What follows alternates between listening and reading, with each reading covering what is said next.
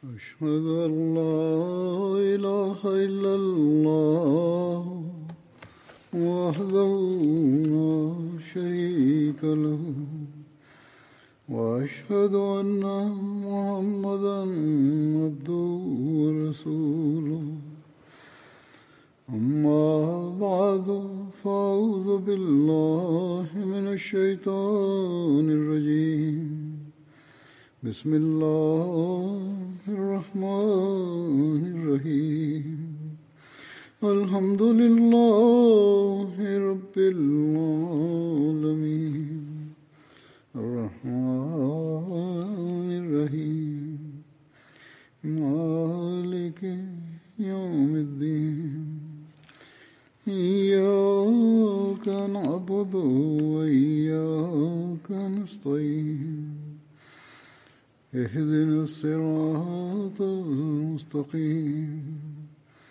صراط الذين انعمت عليهم غير المغضوب عليهم ولا الضالين بسم الله الرحمن الرحيم حضرت خليفه المسيح بيتي دالله بودي نيغوف помогаче rekao da je govorio u vezi Hazreti Omera radijalahu anhu u prošloj e, hudbi da će da nastavi e, da ukratko govori o borbama u kojima je on učestvovao. Hazreti Omer je e, radijalahu anhu je učestvovao u svim borbama uz časnog poslanika sallallahu alejhi ve uključujući bitku na Bedru, Uhudu, Hendeku. Također je učestvovao u ekspedicijama u kojima časposlanik sallallahu alejhi ve sellem nije bio prisutan. U nekim je bio postavljen za komadant armije. U vrijeme polaska na Bedar Ashabi su imali 70 e, kamila i tri osobe su dijelile jednu kamilu. Abdurrahman bin Auf, Hazreti Ebu Bekar radijalahu anhu i Omer radijalahu anhu su dijelili jednu kamelu kamilu i mijenjali su se. E, prenosi se da je poslanik sallallahu alejhi ve otišao iz Medini e, da presretne karavan Ebu Sufijana koji je dolazio iz Sirije. Kad su muslimani stigli do Zafran, to je bilo mjesto izvan Medine, poslanik sallallahu alejhi ve sellem je dobio vijest da su Mekanlije napravili kamp E, da bi oni zaštitili ovaj karavan. Poslanik sallallahu ve sellem je pitao svoje ashabe u vezi ovoga. Rekao je da je armija iz Mekke, da armija iz Mekke dolazi i da mu je i oni e, pitao je njih za savjet. E, da li da se suprostave toj armiji ili da li bi želi da zaustave taj karavan oni su odgovorili e, da bi radije da zaustave karavan.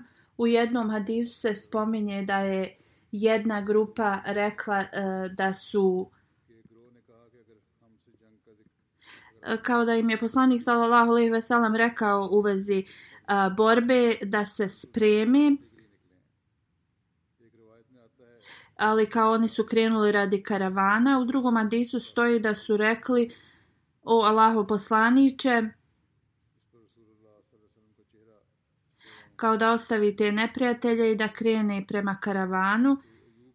E, kad je čuo ove riječi, poslanikovo lice, boja njegovog lica se promijenila. Zreti Ebu Ejub kaže da ovaj događaj je bio razlog sljedećeg ajeta koji je Allah objavio.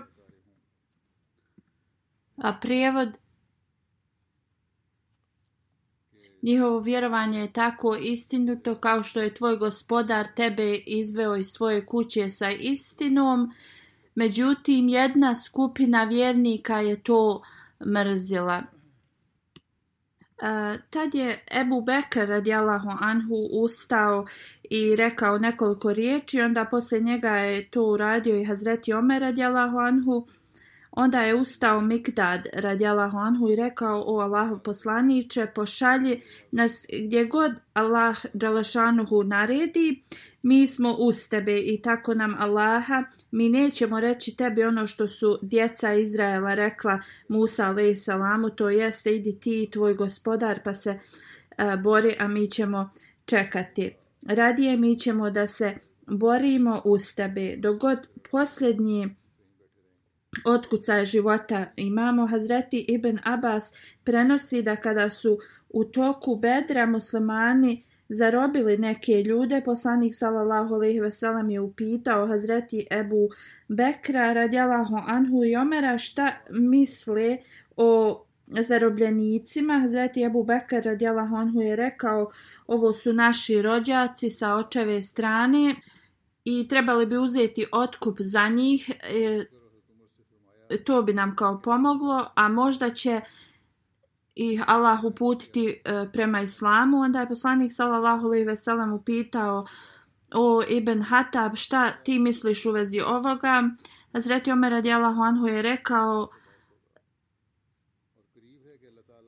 kao Allahu poslaniče, ja nemam isto mišljenje kao Ebu Bekar e, preda ih nama da im mi glave odrubimo, neka Ali odrubi glavu Akilu i onda je naveo tog i toga osobu kao njegove rođake da on to uradi jer kao oni su nevjernici i oni su među vođama Kurešija. Poslanik sallallahu alaihi je uzeo prijedlog Ebu Bekra radijallahu anhu, Hazreti Omer kaže e, poslanik sallallahu alaihi ve nije uzeo moj prijedlog. E, sljedeći dan kaže ja sam došao i našao sam Ebu Bekra i časnog poslanika sallallahu alaihi ve da plaču. Pitao sam ga o Allahu poslaniće zašto ti i tvoj ashab plačete? Reci mi razlog i da i ja zaplačem ili da bar e, moje lice izgleda tužno radi toga.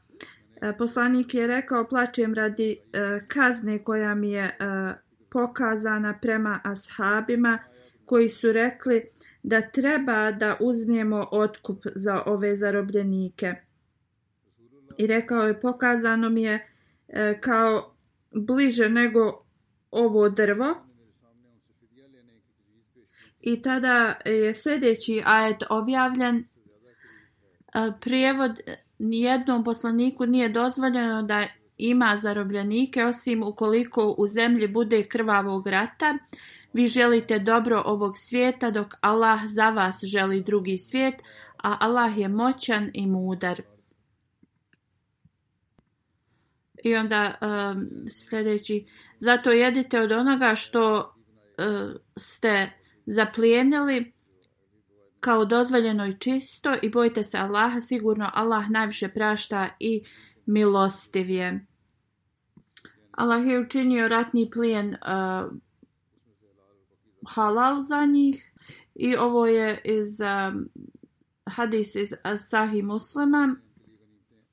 U ovom hadisu da su Ebu Bekr radijalahu anhu i časni poslanik sallallahu alejhi ve plakali E, kad pročitamo ove ajete, cijeli hadis e, moramo e, jednostavno postaje kao neispravan i nejasan.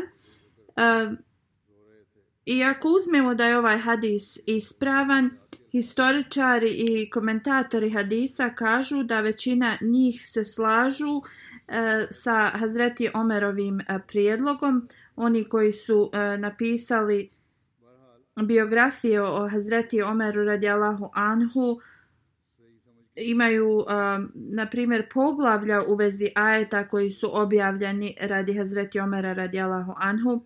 Oni govore da u vezi zarobljenika na Bedru Allah Đalešanuhu je bio na kao strani Hazreti Omerovog prijedloga. kao što sam spomenuo ranije, detalji nisu jasni u vezi ovog. Izgleda da su oni komentatori napravili e, grešku. Ima zapis koji e, nije objavljen od Hazreti Musa Mauda anhu koji e, odbija njihov zaključak i njegova analiza razjašnjava za nas ovo njihovo mišljenje Izgleda da su ovi komentatori ovo napisali e, kao bespotrebno dižući status Hazreti Omera radi Anhu ili jednostavno nisu razumjeli taj hadis. E,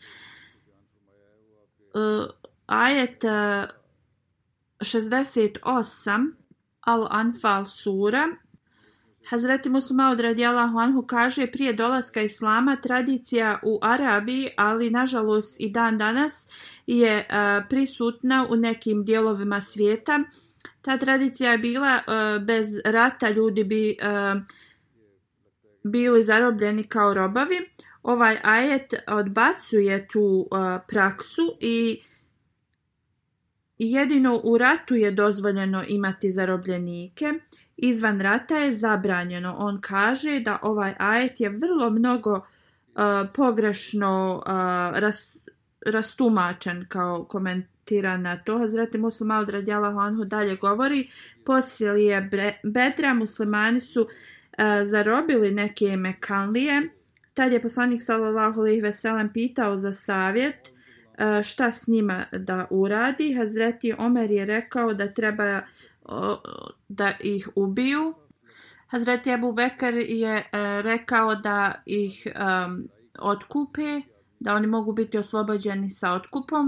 Časni poslanik sallallahu alejhi ve sellem je e, uzeo savjet od Hazreti Abu Bekra radijallahu anhu. Ovo je ajet 68, 8. suri u e, kojoj se spominje da nije dozvoljeno poslaniku da ima zarobljenike osim ako je to ratno vrijeme. Ovdje Hazreti Muslima od Anhu objašnjava kako Ebu Bekr je imao različito mišljenje od Omera radijalahu anhu i da je poslanik ali sallallahu veselem uzeo njegov prijedlog i da je pustio zarobljenike sa otkupom kako god, e, mnogi govore e, kao da u ovoj objavi e, da je uzvišeni Allah nije bio zadovoljan ovom odlukom poslanika sallallahu alaihi veselem i da su ovi zarobljenici trebali biti ubijeni. Ovo je objašnjenje od Tabarija. Zreti muslima od radijalahu anhu kaže kako god ovo je netačno, prvo dotad Um, nikada nije e, bilo objavljeno ili naređeno od Allaha da je zabranjeno e, puštati zarobljenike e, sa, s otkupom i onda ne možemo uopšte da stavimo krivnju na poslanika sallallahu alejhi ve zato što je uzeo otkup. Onda također poslanik sallallahu alejhi ve prije ovoga u Nahli je oslobodio dvojicu također sa otkupom i Allah Đalešanuhu nije e, znači ništa objavio u vezi toga, niti je bio nezadovoljan, onda Allah nam daje dozvolu da mi možemo da e, koristimo ratni plijen i uzmemo ga za sebe i da je to dozvoljeno za nas i vrlo je e, čudno da može neko da pomisli da je Allah Đelešanu bio nezadovoljan sa ovom poslanikovom odlukom, a da je e, dozvoljeno u, istom, u istoj suri e, nekoliko ajeta. Poslije tog ajeta se spominje da je ratni plijen dozvoljen i, i dobar. I znači ova interpretacija je neispravna i ispravno je vjerovati da niko ne može da e, ima zarobljenike osim u toku rata. Lama ima Razi e, od komentatora Kur'ana i Lama Šibli Nulami e, poznati biograf. Oni su bili istog mišljenja kao Hazreti Muslima od Radijalahu Anhu. Hazreti Mirza Bashir Ahmed Sahib piše kad je poslanik sallallahu alejhi ve se vratio u Medinu pitao je šta da uradi sa zarobljenicima. Bila je praksa prije islama da e, zarobljenici ili se pogube, e, znači pobijaju ili e, da oni budu njihovi robovi.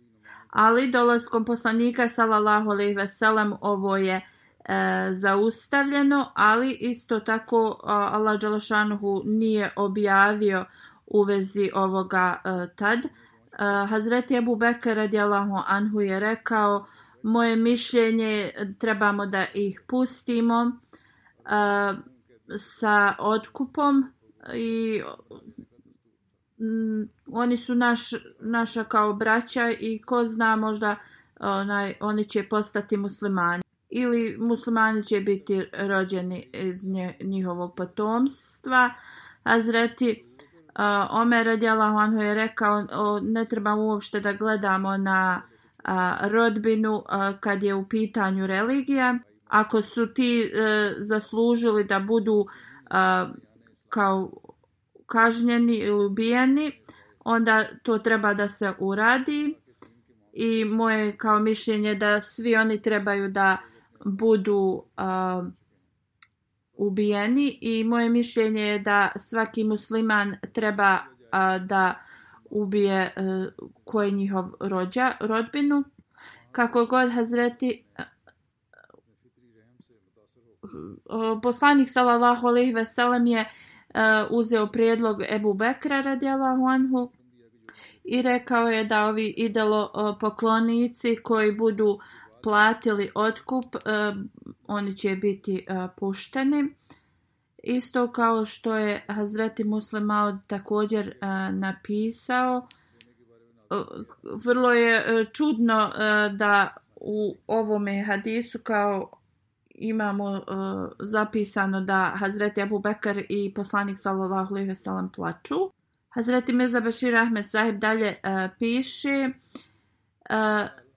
otkup od 1000 do 4000 dirhama je bio bio je postavljen zavisi u kakvom su stanju bili ti zarobljenici tako je bilo i postavljeno u vezi braka Hazreti Hafse Rečeno je da je Hazreti, e, od Hazreti Hafze e, muž učestvovao u bitci na Bedru i kad se je vraćao sa borbe e, razbolio se i preminuo je i posle ovoga poslanik sallallahu alejhi ve je oženio Hazreti Hafzu. Detalji u vezi ovoga su sljedeći.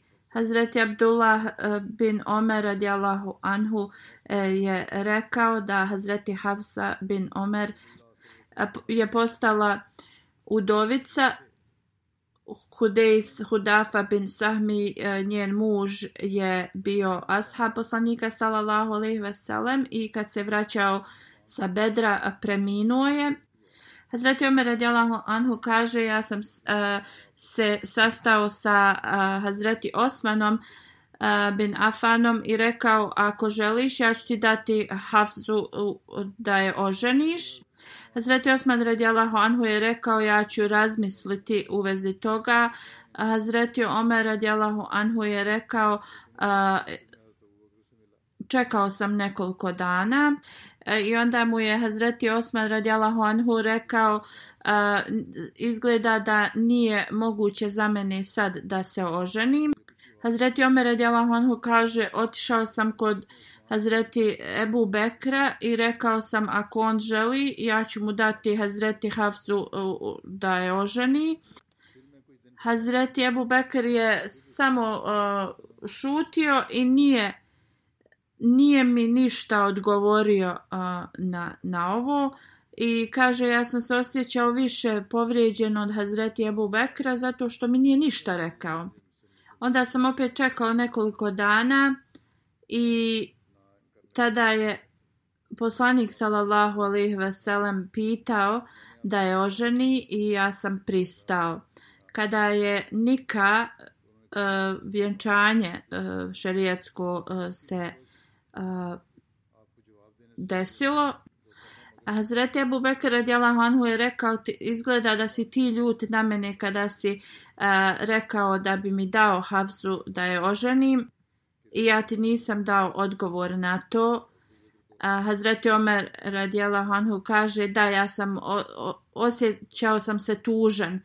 Na to je e, a, Ebu Bekr radijallahu anhu rekao kao ništa me nije za, zaustavilo osim to da, da kao da mu da odgovor osim to zato što sam ja već čuo da je poslanik sallallahu alejhi ve sellem spomenuo Hazreti Hafsu da će je da oženi i nisam želio da odam tajnu poslanika sallallahu alejhi ve sellem e, to da je on želio da pošalje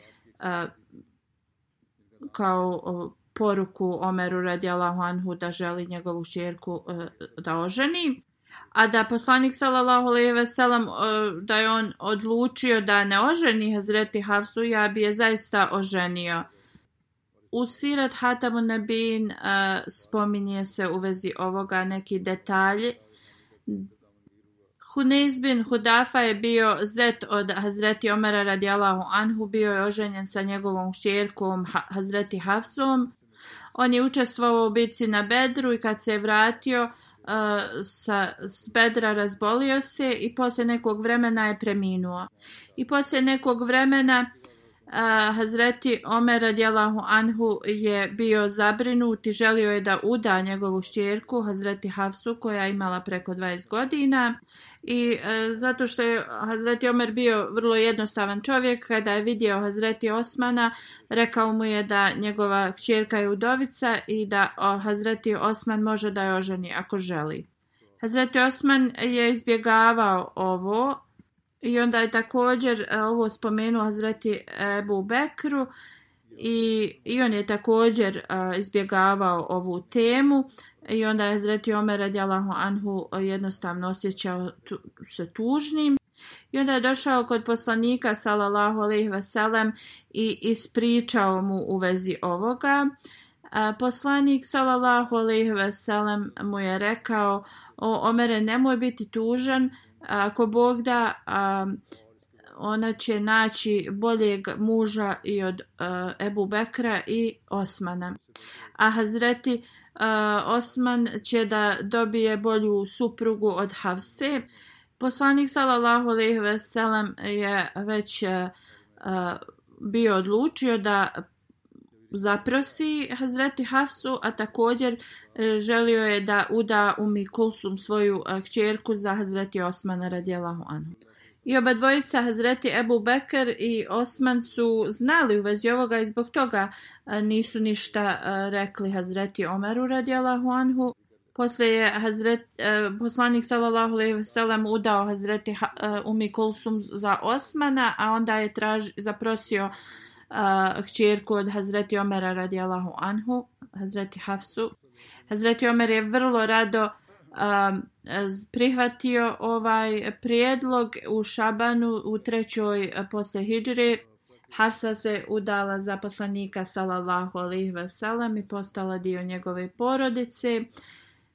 I kad se ovo desilo, Hazreti Ebu Bekar radijalahu anhu je rekao e, Omeru radijalahu anhu da e, vjerovatno tvoje srce postalo tužno zbog mene, ali ja sam već znao e, šta je poslanik sallallahu alejhi ve planirao nisam mogao da ti kažem šta je poslanik kao njegovu tajnu i zbog toga nisam ništa rekao, ali da poslanik sallallahu alejhi ve ovo promijenio svoje mišljenje, ja bi vrlo rado oženio tvoju kćerku. E, iz ovoga možemo da vidimo da jednostavno poslanik sallallahu alejhi ve zato što je ženio kćerku Hazreti Omera radijallahu anhu e, želio je da ublaži njihovu bol za njenim suprugom i, i da pojača njihovu vezu zato što je Omer radijallahu anhu bio po sebu Bekra njegov najbliži drug također iz ovoga, kad je poslanik sallallahu alejhi ve imao više žena, to je bilo zbog toga da bi one mogle da um, pomažu moralni e, trening i obuku vjeri e, ženama. U vezi e, bitke na Uhudu e, zapisano je da je Halid bin Velid napao muslimane i zbog toga što, je on iznenada napao, muslimani nisu jednostavno dobili šansu da se e, ponovo sakupe na jedno mjesto. U vezi ovoga Hazreti Mirza Bashir Ahmed Sahib piše Kurešije su okružili muslimane i nastavili da intenzivno napadaju sa svih strana. Tada je e, Ibni Kamija napao Musaba koji je nosio muslimansku e, zastavu i osjekao mu je jednu, onda ruku pa je on uzeo drugom rukom tu zastavu, ali mu je onda i drugu ruku um, odsjekao. Onda Musab je uzeo tu zastavu oba dvijema ostatkom ovog svojih ruku što, što su mu ostale Onda ga je Ibn Kamija još jednom udario i on je postao šehid i pao na zemlju. Onda je e, neki drugi e, musliman uzeo tu zastavu, ali pošto e, je Hazreti Musab izgledao kao poslanik sallallahu ve sellem, Ibn Kamija je mislio da je on tad ubio poslanika sallallahu ve sellem ili je to namjerno rekao, možda nije ni pomislio da je e, ubio e, poslanika, ali je to bio njegova taktika i on je rekao da je ubio e, Muhameda sallallahu alejhi ve sellem i tad su muslimani izgubili jednostavno želju za borbu, bili su u velikoj panici i mnogi muslimani se tad razbježali i tada su musmani bili u tri grupe a, podijeljeni. Jedna grupa je bila ti koji su bježali. To je bila najmanja grupa kako god. spomenuto je u časnom Koranu da, da im je Allah oprosio i zato što su bježali zbog toga što su oni zaista imali vjeru u srcu. A druga grupa je bila E, ljudi koji nisu pobjegli, ali ti ljudi su bili izgubili sav svoj moral e, za, za borbom, jednostavno kao koji je bio onda koja je bila svrha ako je poslanik e, sallallahu alejhi ve sellem poginuo za njih da se bore. I oni su se pomjerili na jednu stranu bojnog polja i, i objesili svoje glave, jednostavno bili su tužni. Treća grupa je bila grupa koja nije prestajala da se bori i od njih su, oni su bili oko poslanika, okružili su poslanika salalahu alihi vesela i oni su znači pokazali toliku hrabrost, ali su i oni bili eh, raštrkani jedni od drugih kako su saznavali da, da je poslanik sallallahu alejhi ve živ, oni su e, samo e, se trudili da okruže poslanika sallallahu alejhi ve i budu u njegovoj zaštiti. Ovo je bilo veliko iskušenje za muslimane zato što su Kurešije e, napadali sa svake strane plus azhabi su čuli da je poslanik sallallahu alejhi ve kao uh, poginuo i jednostavno izgubili su sav moral da, da se bore. Hazreti Omer radijalahu je također bio u toj grupi. Tad je uh, ashab Enes bin Nader Ansarija stigao do njih i kad je vidio rekao je šta radite vi ovdje? Oni su rekli e, poslanik sallallahu alejhi ve je ubijen za, zašto da se borimo. Enes je rekao sada je vrijeme za borbu. Tako da i mi postignemo tu istu smrt Eh, koju je poslanik sallallahu alejhi ve sellem postigao. I kako je kao ako je poslanik sallallahu alejhi ve sellem eh, ubijen eh, kakav vam je onda kao želja za životom ostala. Onda je sad Ben Moaz ustao i došao ispred njega. nas mu je rekao, sad ja čujem mirise dženeta sa, ovog, sa ove planine. I onda je uletio u redove nevjernika i tu je postao šehid. Poslije rata, eh, kad su ga našli, kad se je završila borba, eh, njegovo tijelo je bilo, eh, imalo 80 rana i kao jedva su prepoznali njegovo tijelo. Njegova sestra ga je prepoznala po mladežu na, na prstu. Poslanik sallallahu alejhi ve je došao u dolini uhoda E, kada su nevjernici naglo napali, Halid bin Velid je bio među njima.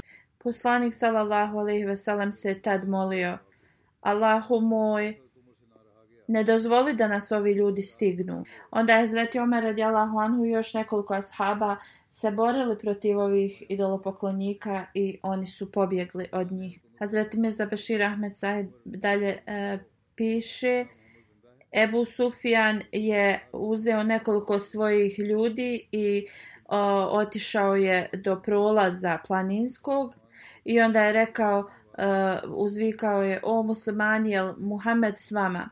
Poslanik sallallahu alejhi ve sellem im je zabranio da odgovaraju. Onda je pitao u vezi Ebu Bekra i Omera. Ali ni tad poslanik sallallahu alejhi ve sellem im nije dozvolio da odgovore onda je na vrlo arogantan način rekao svi su oni mrtvi jer da su živi odgovorili bi. Na ovo Hazreti Omer radijalahu anhu nije mogao se suzdržati i rekao je o neprijatelju, o Allahov neprijatelju, ti lažeš, mi smo svi živi i Allah će vas um, postiditi u našim rukama. E, kad je spoznao, e, prepoznao e, glas Hazreti Omera, E, Ebu Sufjan je rekao, govori istinu, Omere.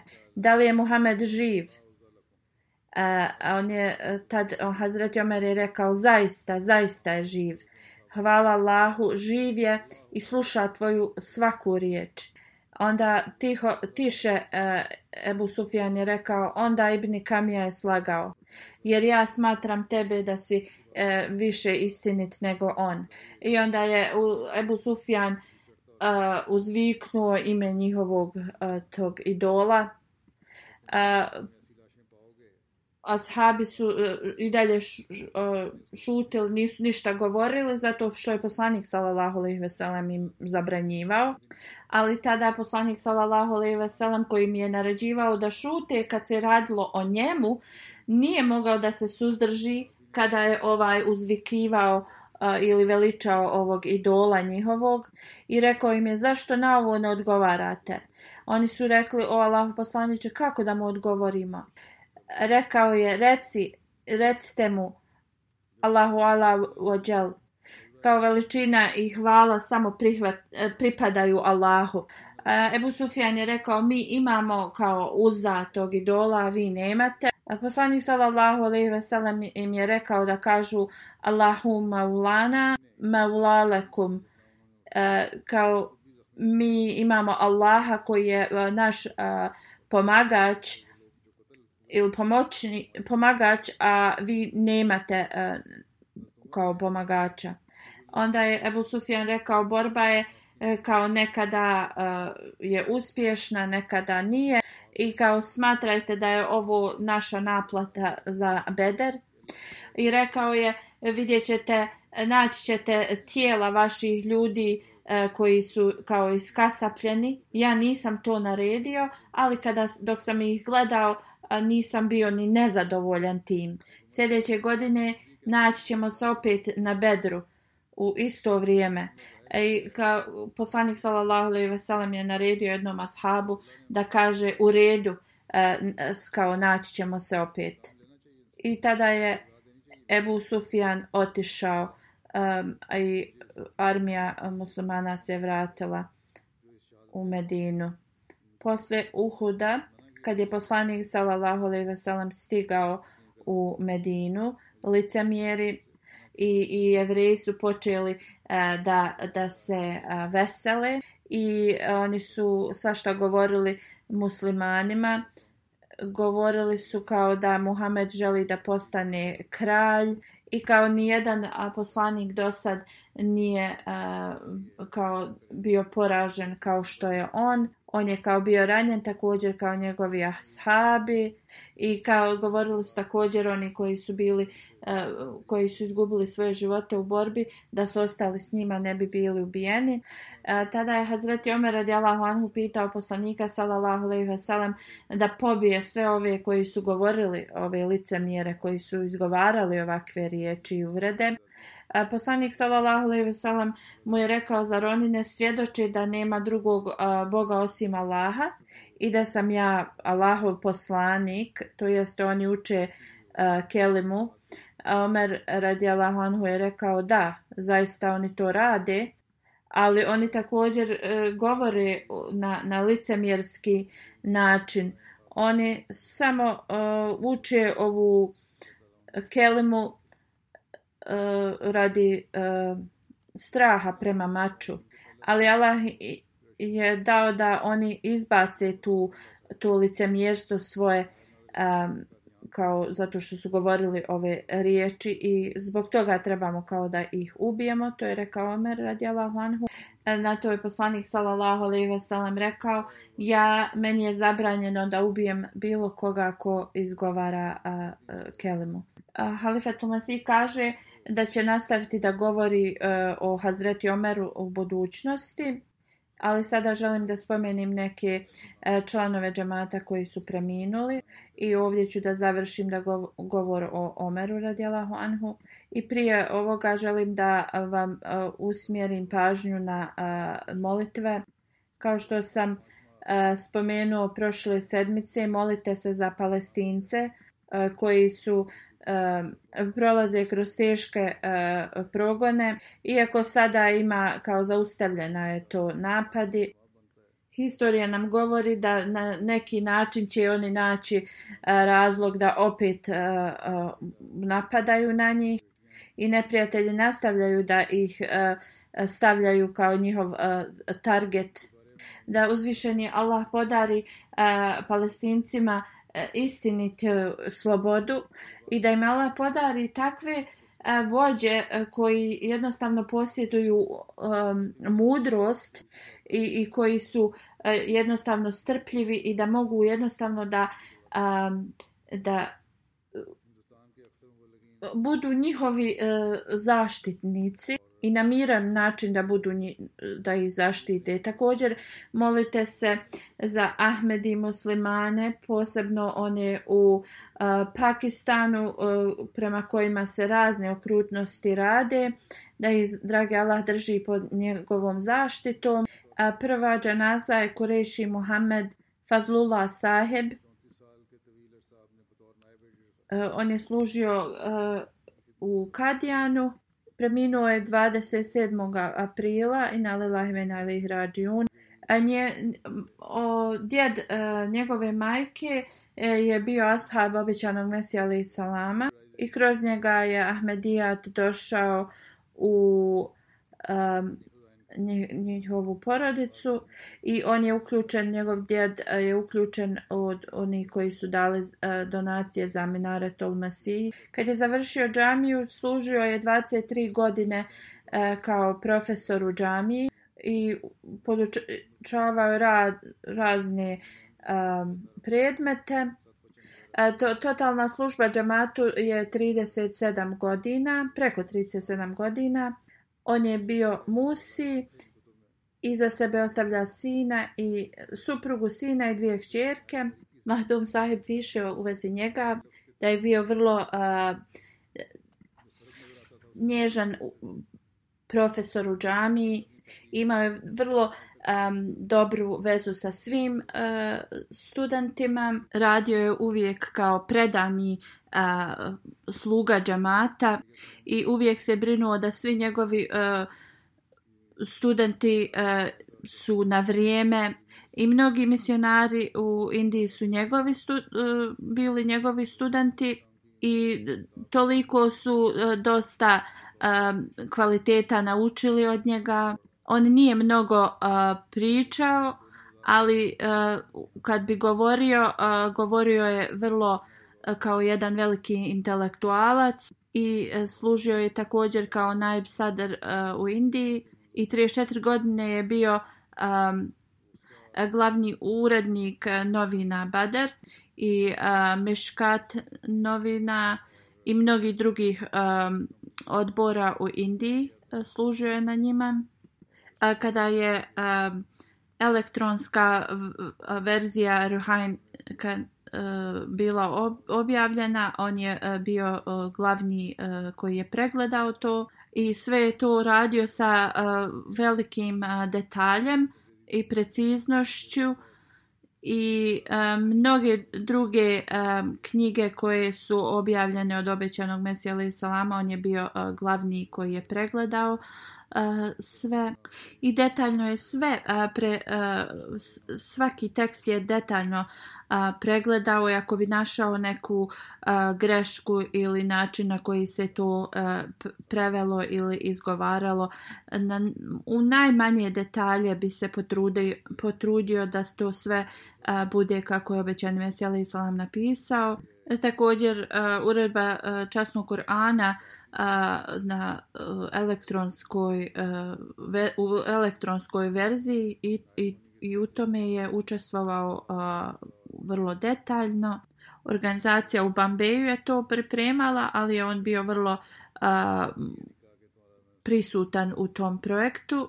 Dan i noć je radio i pobrinuo se da nema nikakvih grešaka i trenutno je bio radio je na engleskom prevodu i ovo je skoro e, e, spremno da se objavi i on je također učestvovao u ovome projektu. Nazir od uh, departmana piše, on je bio moj učitelj, također je Amidža moje supruge, ali uvijek kao, zato što je on bio glavni za taj departman, on je uvijek prema meni pokazivao veliku kao veliko poštovanje i odgovornost i nikada nije pokazivao da je on bio moj učitelj ili da je on stariji od mene i njegovi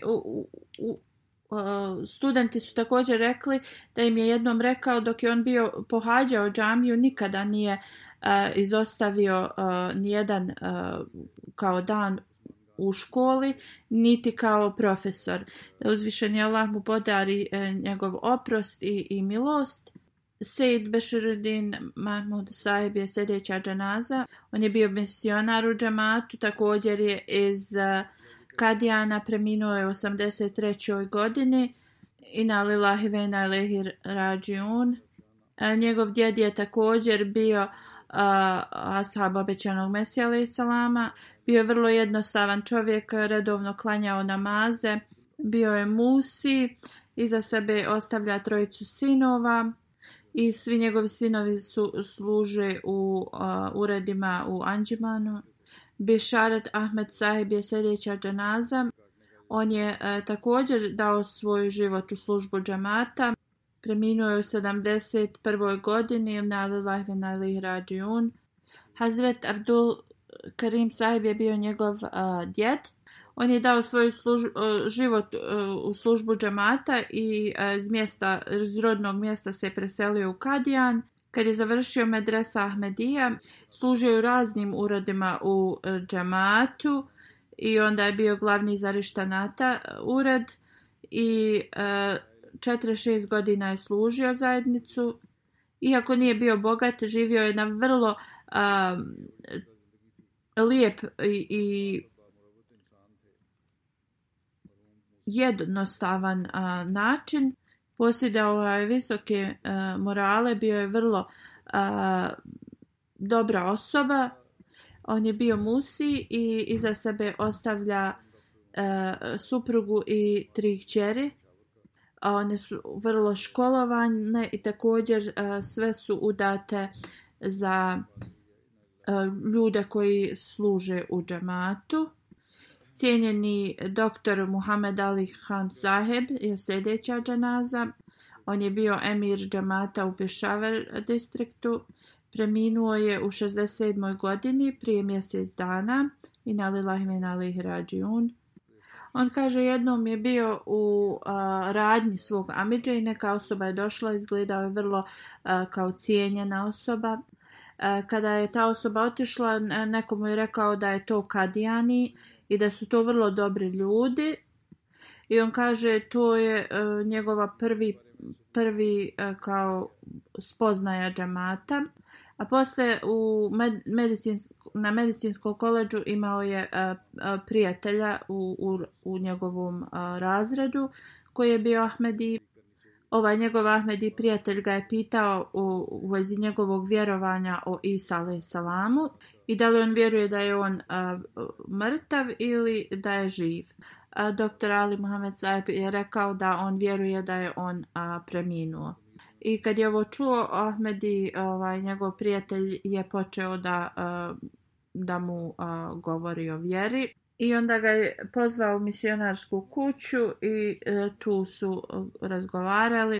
On je bio tu impresioniran na način e, kako je misionar bio obučen i dali su mu knjigu i kaže kad je pročitao tu knjigu jednostavno bio je siguran u istinitost Ahmedijata i on je primio Ahmedijatu 73. E, godine 1974. godine Halifatul Mesih III. je prihvatio njegov bejat i te iste godine kad je on prihvatio Ahmedija, tada su veliki um, problemi po, uh, u, Pakistanu se desili uh, što se tiče džamata e, i protiv džamata i kad su neki e, studenti koji su pohađali zajedno s njim e, saznali da je on Ahmedi, oni su ga e, kao uhvatili rekli ako ne ostaviš Ahmedijat ubit ćemo te. Administracija na tom koleđu oni nisu mogli ništa da mu pomognu. I tada je jedan čovjek došao i, i pomogao mu je, odveo ga je izvan grada i on kaže da je od, od, od tog mjesta pješke uh, bos hodao do svog sela.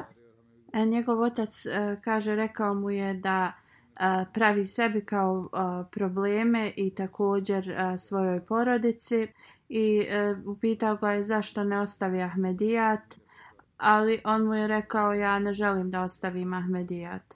I on kaže njegov otac je nastavio da kao svađa se s njim i zbog ovakve situacije on nije mogao da nastavi svoje studije. Iako tad, pogotovo tad u to vrijeme je bilo vrlo teško za Ahmedi muslimane, on je e, ostao e, uz Ahmedijat. I jednog dana otac mu je rekao da ovo treba jednostavno da, da završi i da ostavi Ahmedijat. On mu je odgovorio svom ocu, e, ja imam samo jedan način da, da se ovo sve završi E, sljedeći put kad mi pošalješ hranu, e, stavi otrova u nju i tako da ja to pojedem i da se tvoji problemi kao završe. Rekao je, ja ne mogu da napustim obećanog Mesiju i njegovu zajednicu. Posle ovoga njegov otac nikada mu nije više rekao da napusti Ahmedijat. Kad je njegov otac preminuo, otišao je na dženazu, ali nije klanjao dženazu ljudi su rekli da je ovo protiv tradicije i bili su ljuti na njega i rekli su kao kakav sin si ti da ne klanjaš On je odgovorio obećani mesija je meni e, važniji, svi ostali su e, iza njega.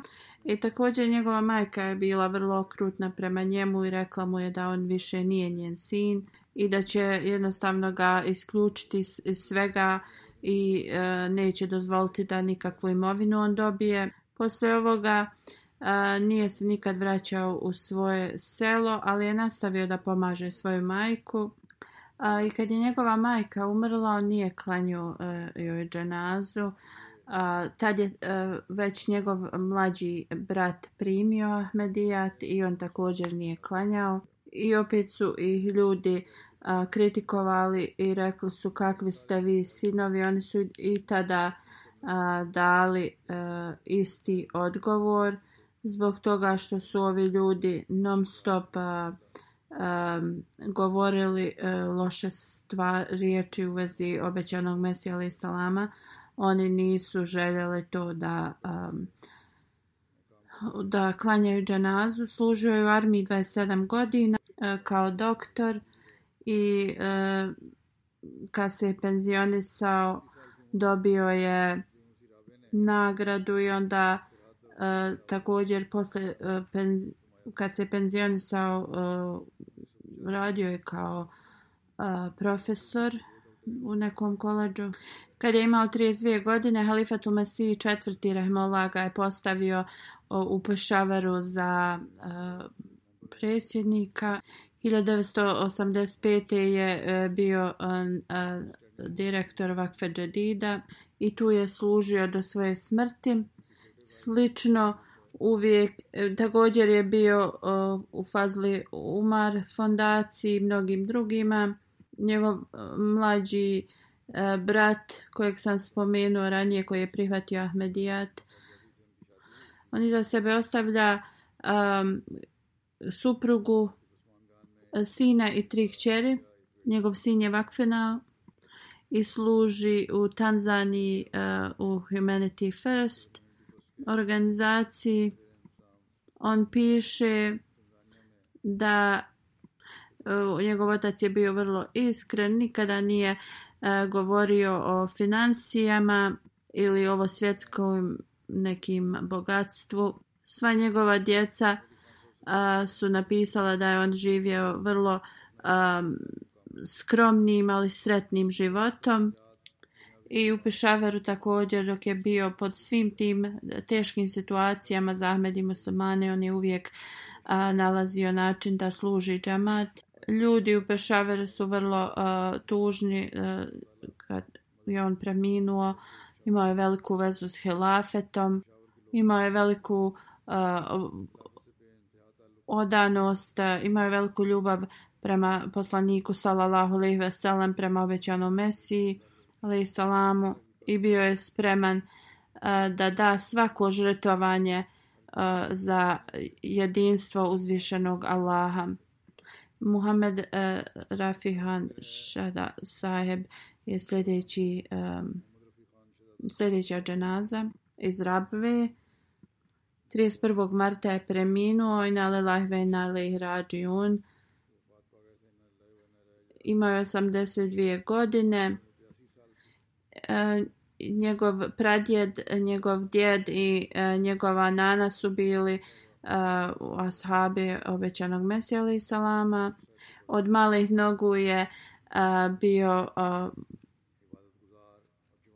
pobožan, klanjao je svoje e, namaze redovno e, u bolnici, ako je bio e, puno bolestan, pred kraj njegovog života uvijek je učio Kur'an, preselio se u Abu Dhabi i tu kad je došao neki islamski vođa je, rekao kao kadijani trebaju zaslužuju da budu ubijeni. On je tu hrabro ustao i rekao ja sam Ahmed i e, slobodno me ubi. Poslije je on tu napustio posao i vratio se u Pakistan, otvorio je prodavnicu, prodavnicu. Također je bio gost e, u 50 epizoda na MTA nekog programa. Imao je prijatnu i vrlo finu e, vezu sa svim e, svojim komšijama. Uvijek je pomagao drugima, bio je musi, za sebe ostavlja suprugu, dva sina i četiri kćeri. A ja z Yunus Sahib iz Australije sljedeća dženaza 24. marta je preminuo i na lillahi On se utopio u poplavi.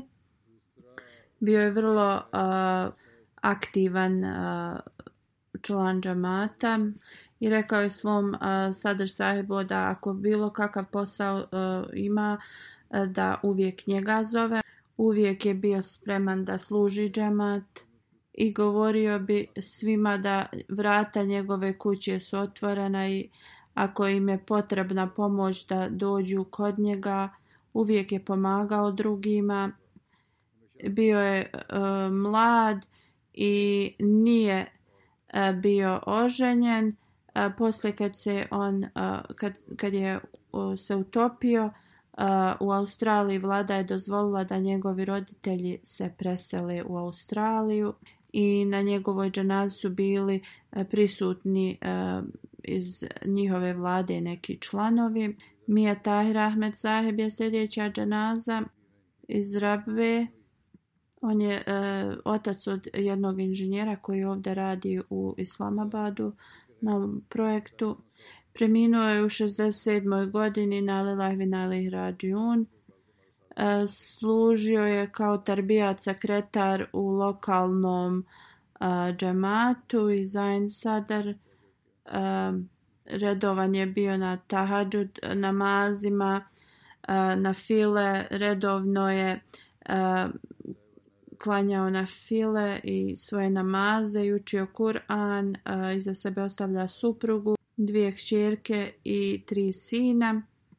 Sljedeća dženaza je od Refik Aftab Sahib iz Velike Britanije, otac od Faruka Aftab Sahib. Preminuo je u aprilu u 63. godini na Lelajvin Ali Rađiun. Faruk Saheb piše moj otac je imao mnogo kvaliteta, bio je vrlo skromna osoba, poštovan, cijenjen, vrlo radosna osoba, uvijek se ponašao prema svima sa velikim gostoprimstvom i mnogi ljudi su ovi, e, spomenuli ove kvalitete o njemu. Bio je vrlo iskrena osoba uvijek je eh, govorio svojoj djeci da ostanu uz hilafet i njegova sva djeca služe. Sljedeća dženaza je respekter Zina Ahmed Sahiba. Um, prominula je prošlog mjeseca. Njen suprug je uh, uh, profesor u džami Ahmedija. Bila je vrlo skromna žena, vrlo eh, strpljiva, e, služila je svoje roditelje i roditelje e, svog muža e, dugo i, sa vrlo sa velikim poštovanjem i ljubavlju i također se je brinula o svom suprugu živjela je u Gani i iako je uvijek živjela u skromnim uslovima, ona je uvijek bila za, zadovoljna i njena djeca. Bila je Musija i jedan njen sin je također dao svoj život u službu džamata. On radi u MTA. Hafiz Mohamed Akram Saib je sljedeća džanaza Preminuo ovog mjeseca u 80. godini u Tahil Hart institutu u Ravi na Lilah na Rađun. Ahmedijat je došao u njegovu porodicu preko Halifetul Messi prvog radijalahu anhu. E, njegov djed e, po ocu je dao bejat preko pisma obećanom Mesiju ali nije ga e, uživo vidio. Jedan njegov unuk je dao svoj život u službu džamata i služi ovdje u Velikoj Britaniji. U Feslabadu je odlučio da da svoj život u službi džamata i tu je e, cijeli život proveo i uvijek je e, uvijek je stavljao svoju vjeru iznad svega, bio je musi i redovno je klanjao tahadžud namaz i naučio je mnogu djecu Feslabadu da čitaju Kur'an i da zapamte sure iz Kur'ana Nur Ahmed Nasir Saheb e, sljedeća je dženaza. U 82. godini je preminuo i Rađiun. Bio je najstariji e, sin od jednog derviša iz Kadijana. Njegova dvojica sinova su dali život u službi e, džemata. Mensur Ahmed Nasir Saheb je u Lajbiriji direktor a drugi sin e, služi kao misionar u Gani e, zato što su oba dvojca e, zauzeti bili svojim poslom nisu bili u mogućnosti da odu na dženazu svom ocu. On je također bio musi. Sljedeća dženaza je respekter Mahmud Mina Saheb Preminuo je e, u prošlu mjesecu 75. godini na Lelajvin vinali Radijun. Jedan njegov sin e, služi kao misionar. Kaže, moj otac je bio vrlo skroman, redovno klanjao tahadžud, bio je vrlo predan hilafetu, pomagao je e, siromašni. Njegov sin također nije mogao doći na dženazu zato što je u Gani i još jedan sin e, koji je u Maleziji da uzvišeni Allah podari e, strpljenje svima njima, svoj djeci od ovih umrlih i njihovim porodicama, da uzvišeni Allah uzdigne njihov status i podari im oprost. Ako Bog da poslije džume klanjaću njihove dženaze.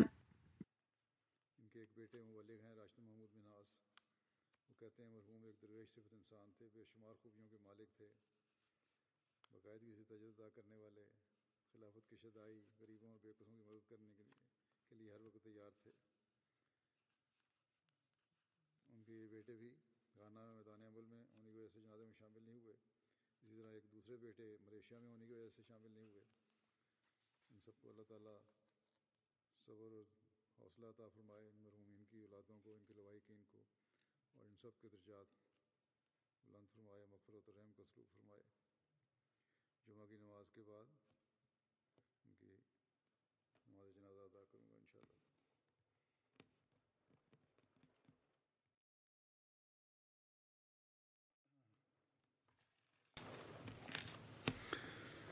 الحمد لله الحمد لله نحمده ونستعينه ونستغفره ونؤمن به ونتوكل عليه ونعوذ بالله من شرور انفسنا ومن سيئات اعمالنا من يهده الله فلا مضل له ومن يضلل فلا هادي له ونشهد أن لا إله إلا الله ونشهد أن محمدا عبده ورسوله عباد الله رحمكم الله إن الله يأمر بالعدل والإحسان وإيتاء ذي القربان